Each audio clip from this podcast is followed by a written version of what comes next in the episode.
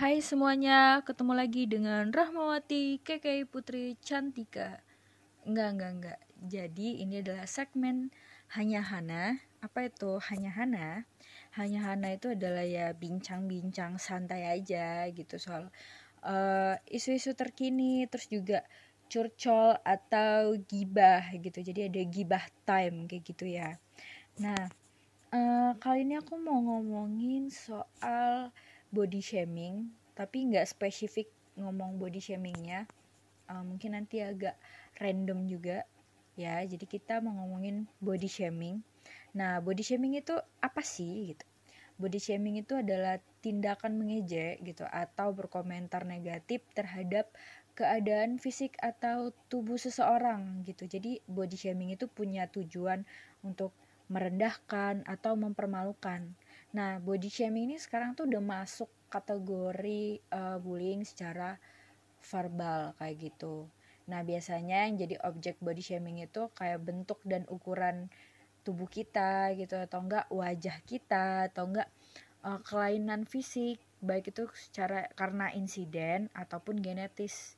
Terus juga tampilan kita mungkin yang berbeda dengan mayoritas dengan orang-orang kebanyakan atau tampilan kita tidak memenuhi uh, standar kecantikan kayak gitu.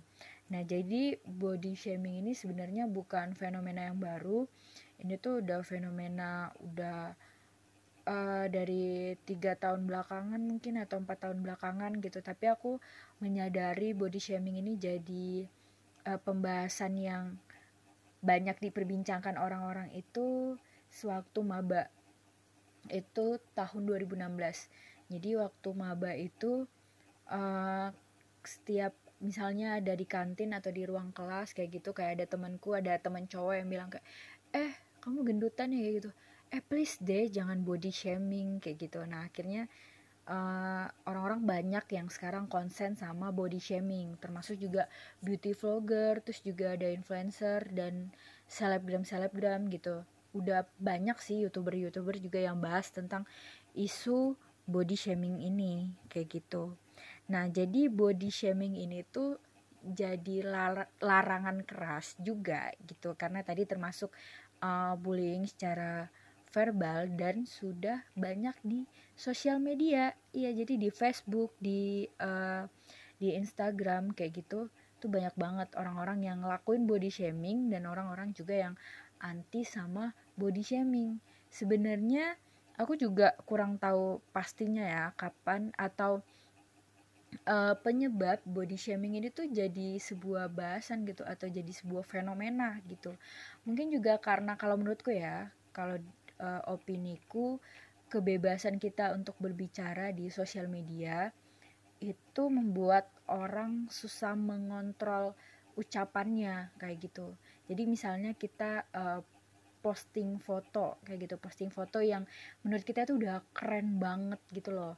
Terus juga nggak diedit tapi menurut kita itu udah keren banget udah gila udah keren parah kayak gitu. Tapi tiba-tiba ada aja yang komen kayak ih gendutan ya kayak gitu. Padahal uh, kalian ngerasa nggak sih kalian pernah upload foto? Emang itu nggak kalian harapin banget gitu tapi setidaknya dalam hati kalian ih aku tuh udah ini ada udah diet gitu misalkan kan atau kalian ngerasa oke okay aja di foto itu gitu. Tapi yang komen itu nggak sesuai dengan ekspektasi kalian walaupun kalian nggak ngarepin banget gitu buat di komen bagus gitu. Mending nggak usah di komen tapi ada aja gitu yang komen kayak gendutan ya kayak gitu. Nah jadi karena hal itu gitu jadi e, banyak lah orang-orang yang membahas body shaming. Nah jadi body shaming ini ternyata itu juga banyak dampaknya juga gitu. Jadi salah satu dampaknya itu terhadap kesehatan mental seseorang.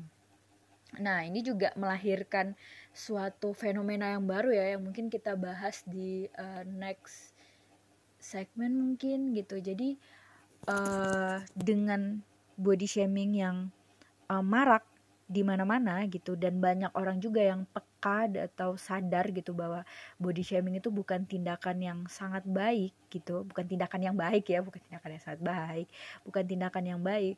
Akhirnya karena isu body shaming ini ada juga sekarang isu mental illness gitu. Banyak orang yang sadar bahwa uh, merusak mental seseorang gitu. Uh, orang yang mentalnya masih baik-baik saja ataupun orang yang sedang terkena uh, suatu masalah di mentalnya mungkin kayak gitu. Nah jadi itu melahirkan fenomena itu juga kayak gitu gitu. Nah jadi kenapa kita tidak boleh melakukan body shaming? Ada yang bilang juga karena dapat uh, berdampak ke kesehatan mental seseorang kayak gitu. Tapi secara logikanya sih kalau misalnya kayak yang aku contohin tadi kita foto-foto kita upload foto kita udah ngerasa keren okay, atau oke okay gitu atau kita juga udah uh, diet kita juga udah milih baju yang kita ngarepin seseorang itu bakal berkomentar baik. Ternyata itu orang malah uh, komen kayak gendutan kayak gitu atau tidak sesuai dengan ekspektasi kita gitu. Jadi dampak terbesarnya mungkin juga ke uh, mental terus juga ke kepercayaan diri seseorang gitu. Bisa jadi orang yang udah terkena body shaming dia nggak akan ngupload foto lagi gitu. Karena dia takut kalau dia upload foto dibilang gendutan atau iteman atau jerawatnya tambah banyak ya atau enggak eh rambutnya nggak oke okay, kayak gitu. Nah, sebenarnya juga ada tim uh, tadi kan ada tim anti body shaming, ada tim sebenarnya yang tidak mengkategorikan uh, kalimat itu ke body shaming gitu. Kenapa gitu? Karena sekarang banyak hal ya yang menurutku juga semuanya itu jadi dikategorikan body shaming gitu.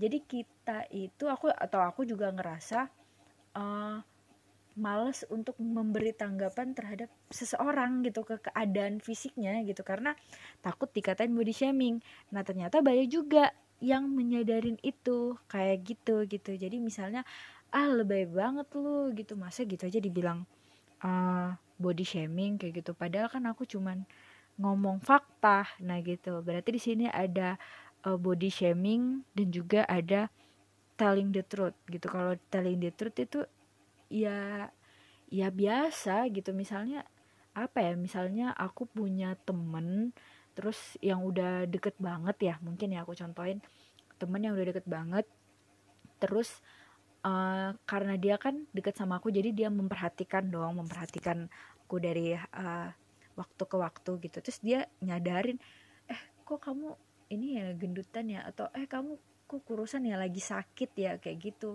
Nah sebenarnya dia nggak punya maksud untuk uh, menyakiti hati kita atau untuk merendahkan kita kayak gitu. Tapi dia mau ngomong yang sebenarnya aja gitu atau dia penasarannya sama kayak misalnya apakah kita kenapa kita kurusan gitu apa kita lagi sakit kayak gitu. Padahal emang kita lagi uh, diet aja gitu tapi dia nggak punya maksud untuk uh, mempermalukan kita. Nah berarti kan kembali lagi ke maksudnya kayak gitu.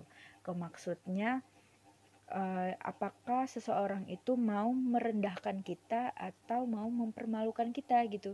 Jadi kembali lagi ke alasan kenapa dia harus mengungkapkan itu gitu. Kecuali kalau yang misalnya orang yang nggak kenal gitu-gitu terus tiba-tiba kita posting foto terus dia bilang ih gak usah posting lagi deh lengan lengan lo gede banget kayak gitu atau enggak atau enggak kayak nggak cocok pakai baju itu kayak gitu. Nah itu baru tuh body shaming kayak gitu. Kalau misalnya kita mau ngomong yang sebenarnya ya mungkin juga bisa pakai intonasi yang baik dan benar kayak gitu.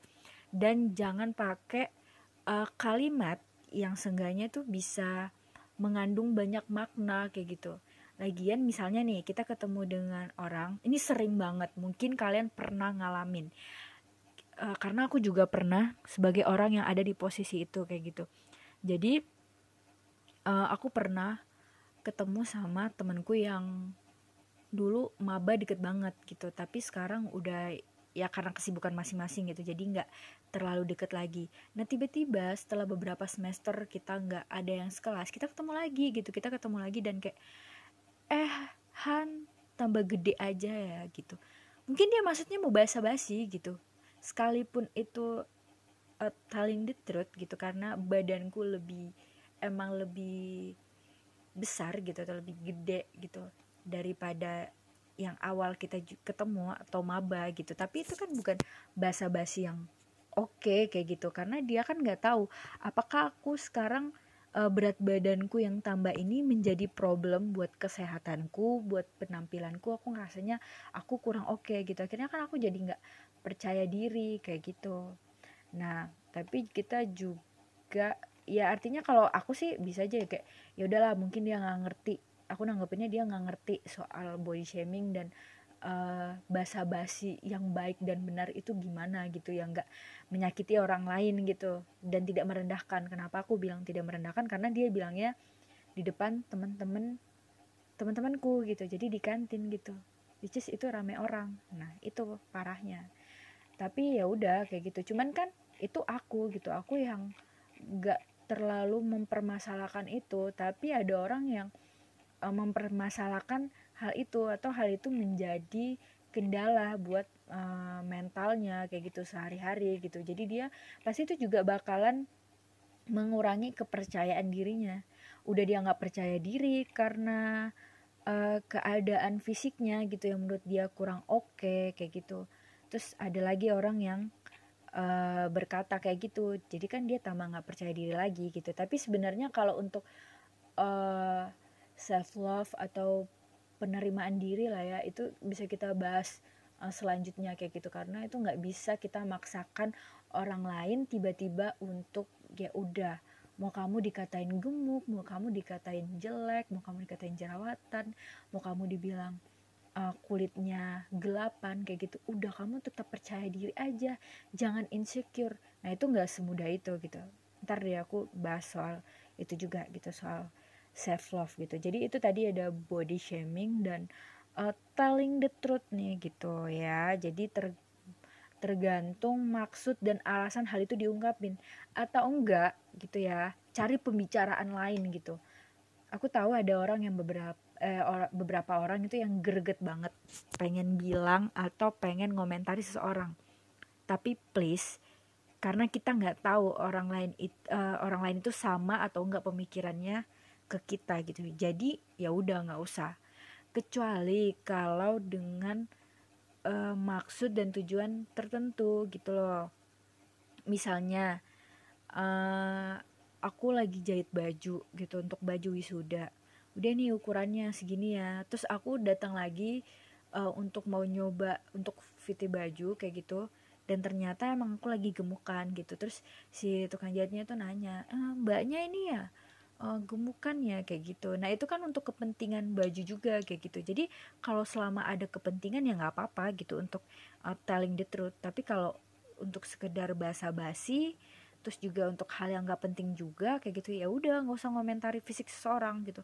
Banyak hal, banyak banget yang uh, perlu diperbincangkan kalau kalian ketemu dengan teman-teman kalian atau siapa pun kayak gitu tanpa harus melakukan uh, body shaming kayak gitu. Atau enggak kalau teman kalian lagi upload foto atau dia celananya keketatan gitu atau bajunya nggak cocok ke dia gitu atau dia uh, kurus banget kayak gitu dia gelap banget ya udahlah kayak gitu.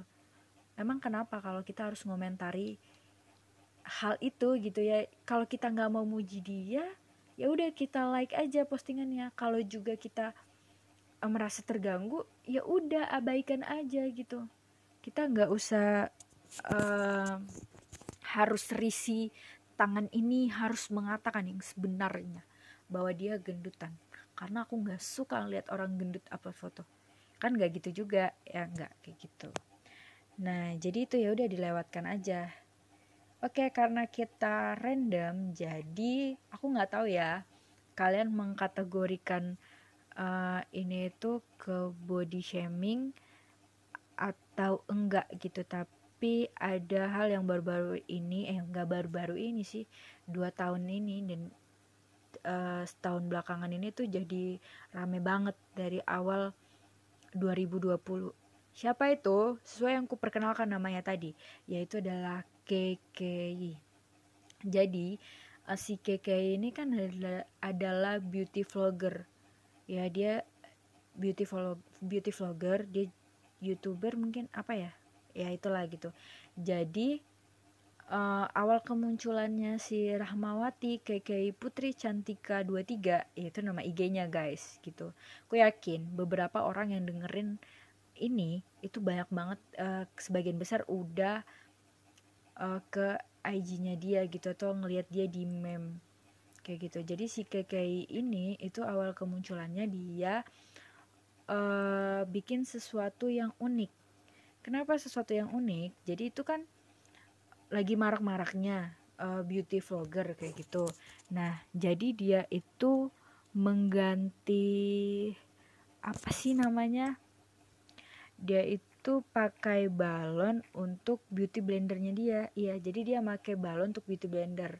Nah jadi dia tuh mau memperlihatkan kesederhanaan kayak gitu kayak kamu bisa make up walaupun kamu nggak punya beauty blender gitu karena ada balon yang harganya murah dan mudah didapat kayak gitu. Kalau yang kulihat sih aku pernah lihat di beberapa wawancaranya dia alasan dia pakai beauty blender karena punya dia rusak kayak gitu. Terus kalau mau beli jauh banget karena rumah dia di pedalaman jadi dia pakai yang seadanya. Nah ada balon dia gunain balon pakai beauty blender kayak gitu nah seiring berjalannya waktu gitu si Rahmawati KKI Putri ini si KKI yang uh, dipuji-puji dan disanjung banyak orang dia itu sekarang banyak dihujat gitu. Jadi presentasinya lebih banyak dihujat. Aku ngeliat presentasi ini dari postingan ininya ya uh, komen-komen di IG sama di YouTube-nya. Banyak banget yang ngehujat dia kayak gitu. Jadi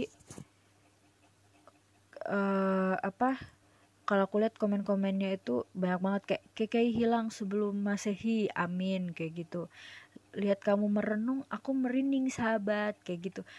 Ada juga sih yang muji dia gitu kayak nah gini baru cantik kak Kay gitu. Ini aku ini ya bacain komen dia yang di salah satu fotonya dia gitu. Terus banyak banget sih sebenarnya kayak kayak yang ini yang termasuk menghujat dia kayak gitu terus awas kesurupan kayak kayak gitu. Ya ampun. Nih. Tahan guys. Nanti maghrib balik lagi. Sama kayak yang tadi gitu. Eh ini masuk gibah nggak sih? Ya udah lah ya. Jadi kenapa aku ngambil contoh uh, KKI gitu? Karena sebenarnya kan kadang kita, kita itu udah ini ya udah tahu paham lah gitu. Maksud dan tujuan orang untuk mengomentari uh, fisik atau penampilan seseorang itu kalau ketemu langsung kayak gitu. Karena bisa dilihat dari intonasinya kayak gitu. Kayak kamu gendutan ya kayak gitu kan. Kamu gendutan ya gitu. Atau eh kamu gendutan ya kayak gitu. Jadi dari intonasi itu juga kita bisa ngelihat uh, maksud hal itu diungkapin. Nah, tapi kan kalau dari sosial media itu kadang orang pengennya sederhana banget gitu, singkat, padat, nyampe gitu. Kalau jelas gak jelasnya tergantung orang yang nerimanya itu gimana, karena kan nggak bisa pakai intonasi gitu. Tapi kalau kulihat di uh, posting-postingannya si Keke itu ya banyakannya itu ya termasuk uh, ngebully dia kayak gitu atau melakukan body shaming ke dia. Oke, jadi kalau menurut kalian sebenarnya yang ada di KK itu uh, body shaming atau telling the truth kayak gitu.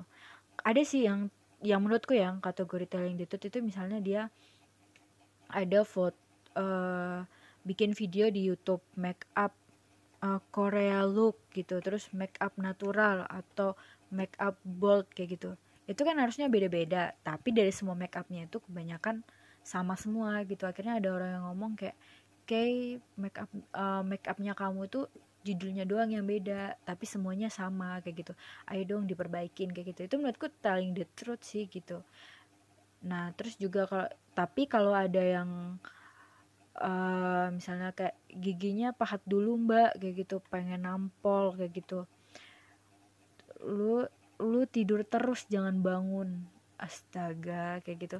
Nah itu menurutku juga masuk dari bully sih kayak gitu. Atau yang bilang dia uh, gemuk banget kayak gitu atau pendek banget kayak gitu.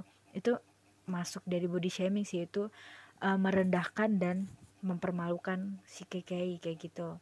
Nah tapi aku tahu yang ada di uh, hati kalian masing-masing yang gak usah ditutupin lagi ya. Kalian pasti kesel gitu karena uh, awal mulanya si KK ini uh, muncul itu adalah sebagai beauty vlogger yang dia itu memakai balon sebagai alternatif mengganti beauty blender gitu. Walaupun itu nggak terlalu berfungsi banget gitu maksudnya daripada pakai balon orang-orang kebanyakan pakai tangan kan kayak gitu. Atau kalian selain bikin konten siapa yang sekarang di rumah benar-benar mengganti itu gitu. Karena kan kita nggak tahu kandungan balon itu ya jelas sih gitu. Secara logika aja nggak baik buat uh, wajah kita gitu. Jadi lebih baik pakai tangan daripada pakai balon kayak gitu. Tapi banyak orang yang respect sama dia selain dari selain karena pakai balon juga karena uh, sebenarnya peralatan dia tuh sederhana banget. Peralatan dia sederhana, sederhana dan uh, make up make up dia tuh make up make up anak kosan gitu atau make up make up kita kayak gitu. Jadi orang lebih lebih relate aja gitu lebih relate aja kayak gitu sama si uh, KKI ini gitu. Oh ternyata dengan make up sederhana make up dia oke okay kok kayak gitu gitu. Jadi nggak usah pakai produk produk-produk yang mahal kayak gitu Nah, walaupun sekarang isi kontennya dia itu adalah sensasi kayak gitu. Dia pernah bikin sensasi juga sama si Rio Rio itu. Aduh, males banget kalau mau bahas itu. Nah, jadi gitu gitu. Jadi sebenarnya kalau menurutku ya kita juga nggak tahu nih si KK ini itu uh, sifat aslinya itu gimana gitu kan atau memang dia itu seperti itu gitu loh yang heboh, yang uh, narsis, yang suka uh, joget-joget kayak gitu. Orangnya rame kayak gitu. Yang suka pasang-pasang muka kayak harimau kayak gitu. Kan kita nggak tahu gitu. Jadi karena awal kemunculannya dia citranya gitu udah terbentuk sebagai seorang gadis yang lugu dan uh, ingin make up seadanya kayak gitu. Nah sekarang dia jadi ya begini gitu. Banyak orang yang tidak suka sama dia kayak gitu. Nah tapi dia memanfaatkan keadaan ini guys. Kayak gitu dia memanfaatkan keadaan ini karena dia ngelihat uh, pasar mungkin di sini ya gitu. Jadi dia tuh diundang karena uh, settingannya dia sama si mantannya itu. Dan dia ngerasa bahwa banyak orang walaupun banyak orang yang gak suka tapi dia menjadi kontroversial gitu. Dia menjadi sesuatu yang diperbincangkan banyak orang. Sehingga banyak uh, yang datang ke sosmednya dia atau ke YouTube-nya dia gitu walaupun banyak yang nge-dislike, banyak yang ngehujat di komen, tapi tetap aja banyak yang nonton kayak gitu. Akhirnya dia juga banyak dapat endorse endorsean mungkin kayak gitu dan nama dia itu ada terus kayak gitu. Nah sebenarnya uh, aku nggak tetap gak sepakat ya kalau kalian uh, ataupun kita komen yang itu mengarah ke merendahkan fisiknya gitu. Kenapa? Kayak gitu karena ya kita nggak ada hak untuk uh, ngomentari fisik seseorang lah kayak gitu. Karena kita nggak tahu mungkin di belakang layar si keke ini baca komen kita sedih gitu. Walaupun uh, di sosmed gitu dia melihat aku nggak mikirin gitu. Tapi tetap gitu kadang secara manusiawi gitu. Eh manusiawi itu alamiah banget sih untuk kesel dengan tingkahnya dia aku juga nggak mau eh, nggak uh, mau muna kayak gitu. Kayak kadang dia suka uh, random joget-joget gitu. Tapi kita harus mengomentari kontennya aja gitu. Jadi kalau misalnya kon ya kan yang bermasalah sebenarnya kontennya gitu. Kita nggak bisa ngelihat kita nggak bisa bilang ciptaan Tuhan itu bermasalah kayak gitu. Karena pasti Tuhan menciptakan kita itu asik gitu kan jadi siraman rohani nih. Ya jadi menurutku ya Tuhan menciptakan kita dengan sesuatu alasan gitu. Jadi semua ini diciptakan baik dan benar kayak gitu menurut dia. Jadi kita harus menerima gitu menurut pencipta kita ini adalah dia menciptakan semuanya itu baik dan benar. Jadi nggak ada salahnya gitu fisiknya si KKI itu seperti itu gitu. Jadi jangan bully si KKI atau melakukan body shaming di komennya di sosmednya, di Instagram ataupun di channel YouTube-nya. Tapi kita kembali lagi ke kreativitasnya dia ya. Sebenarnya kalau kulihat dia nggak uh, menampilkan kreativitas yang gimana-gimana kayak gitu karena kemunculan awalnya itu kan dia uh, menunjukkan ya bahwa ada alternatif alat make up gitu kayak beauty blender diganti balon tadi gitu. Tapi seiring berjalannya waktu dia ya cuman make up doang gitu cuman make up terus dia nggak buat sesuatu yang baru lagi kayak gitu. Jadi menurut gue ya untuk kemajuan kreativitas si keke ini tidak gitu. Tapi dia juga bikin ide-ide lain gitu kayak um, mukbang kayak gitu atau enggak mandiin ayam dan semuanya kayak gitu. Tapi dia lebih menampilkan kontroversinya dia kayak gitu. Iya nggak sih? Kayak misalnya mukbang dia eh, buat sesuatu yang kontroversi atau mandiin ayam kayak gitu. Bukan sesuatu yang baru lagi kayak gitu. Jadi ya kurang menarik sih kalau dari dari segi konten ya. Tapi karena dia digibahi dan dibully orang dia memanfaatkan pasar itu guys. Jadi uh, dengan mengomentari hal-hal buruk atau melakukan body shaming sebanyak-banyaknya ke Instagram atau YouTube-nya KKI itu tidak merubah uh, si KKI gitu. Karena dia tidak bisa untuk melakukan kreativitas lainnya. Sehingga dia memanfaatkan bully-bulian itu Nah itu kan gak baik untuk kita dan gak baik untuk si kekeinya juga gitu karena kita nggak tahu kondisi mental seseorang di balik layar laptop atau di balik layar HP itu gimana atau di balik kamera itu gimana gitu. Jadi ya udah kayak gitu. Kita cukup kalau kita nggak suka kita boleh komentari dan aku yakin banyak juga yang ngasih saran uh, baik ke dia tapi tidak didengar ya tidak dirubah jadi ya udah guys cukup dilewatkan aja. Jadi kalau kita ngelewatkan kita nggak bully dia kita nggak kalian nggak bully dia kalian nggak body shaming ke dia dan uh, karena kalian ngerasa bahwa walaupun kalian udah mengisi uh, udah mengisi udah memberikan saran-saran yang baik ternyata nggak didengar akhirnya dia melihat bahwa pasar untuk memanfaatkan kekesalan orang itu tidak ada lagi ya nggak. Nah akhirnya dia sadar kan gitu bahwa dia butuh sesuatu kreativitas bukan hal-hal yang kontroversial gitu. Jadi cara menyadarkan orang kadang harus diam gitu. Diam ya udah nggak usah dikomentari lagi gitu. Ntar kalau komentarnya udah sepi atau banyak yang uh, dia kontroversinya dia tidak didengarkan banyak orang lagi tidak digubris banyak orang lagi baru dia sadar jadi menurutku ini baik juga untuk si Keke karena aku yakin si si Mbak ya dia pun ya Mbak Keke ini juga uh, sebenarnya punya banyak kreativitas kayak gitu.